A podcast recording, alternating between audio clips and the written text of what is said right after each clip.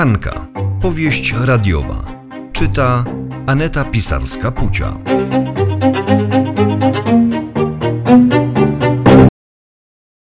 Powieść radiowa Hanka.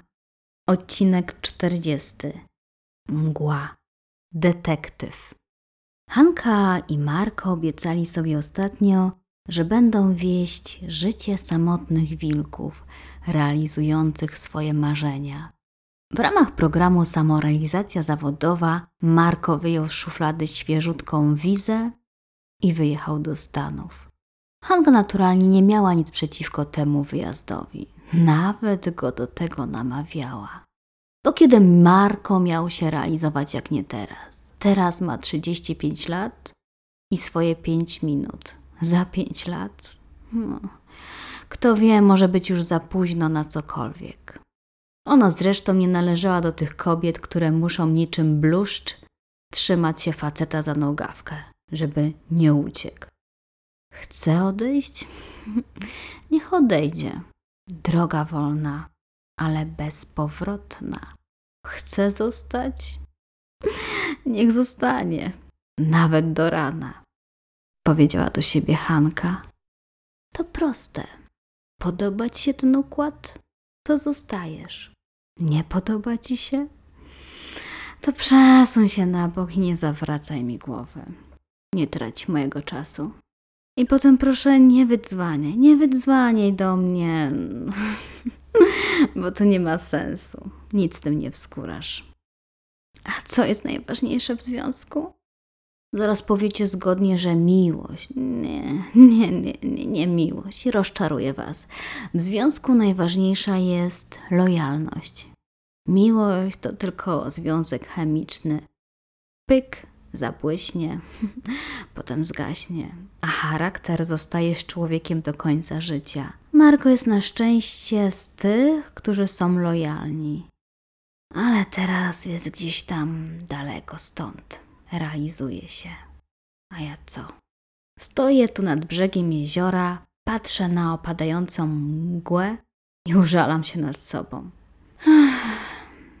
Marko jest wiele mil stąd, a mój zegar biologiczny wciąż tyka, tyka, tik, tak, tik, tak. Lada moment przestanie, ucichnie. A zresztą założenie rodziny przekreślałoby wszystkie nasze plany zawodowe. Zatem zostało to odłożone na bardzo dalekie potem, a może nawet na nigdy. A nic, cieszmy się chwilą. Nie po to tu przyjechałam, biorąc trzy dni zaległego urlopu, żeby się nad sobą rozczulać. Powiedziała do siebie Hanka, siedząc na brzegu jeziora, na przewróconej starej łódce, przykryta tylko kocem i sącząc szampana. W tym roku wyjątkowo chłodna wydaje się ta jesień. A szampan, jak na złość, właśnie stracił smak. Bez Marko wszystko wydaje się być pozbawione smaku, takie bez sensu. Hanko, Hanko, nie poddawaj się, nie poddawaj się, powiedziała do siebie. Życie płynie dalej. Albo łapiesz za ster i dopływasz tam, gdzie chcesz, albo użalasz się nad sobą i dryfujesz bez celu. Hanka teraz w swojej samotni zbierała siły na dalszą walkę ze samą sobą, ze sprzecznymi marzeniami i pragnieniami. W końcu dała ponieść się urokowi miejsca, w którym się znalazła. Kolejny kieliszek szampana na pewno trochę jej w tym pomógł. Mogła wreszcie poczuć to niezwykłe miejsce. Jej oczy zabłysły na widok jeziora spowitego we mgle i zacumowanych łodzi. ależ tu pięknie, pięknie. Mogłabym tu wracać nieustannie. Mm, ale osiedlić się. Też pomysł.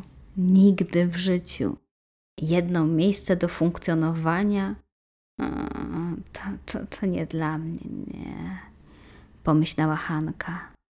Będąc za długo w jednym miejscu, po prostu dusi się. Potrzebuje powietrza, powietrza, świeżego powietrza. Życie w jednym miejscu to pustynia. O tym miejscu nigdy nie zapomnę. To jest moja pustelnia. Stąd czerpię siłę w chwilach słabości. Tu zostawiam swoje smutki. Nigdy nie wracają ze mną. Zostają tu, w tym mglistym jeziorze, zatopione na zawsze.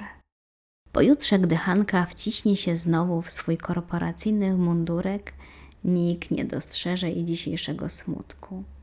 A może nawet ktoś nazwie bezwzględną twardą sztuką bez cienia wrażliwości i sumienia. Na tym właśnie polegają pozory. Na tym polega życie niezależnej, twardej kobiety. Nie pokazuje na zewnątrz, co kryje w środku. Nikt nie może dostrzec, że jest miękka, słaba, że płacze. Na zewnątrz jest twarda, okryta skorupą. Wydaje się, że jest nie do zdarcia. Wydaje się.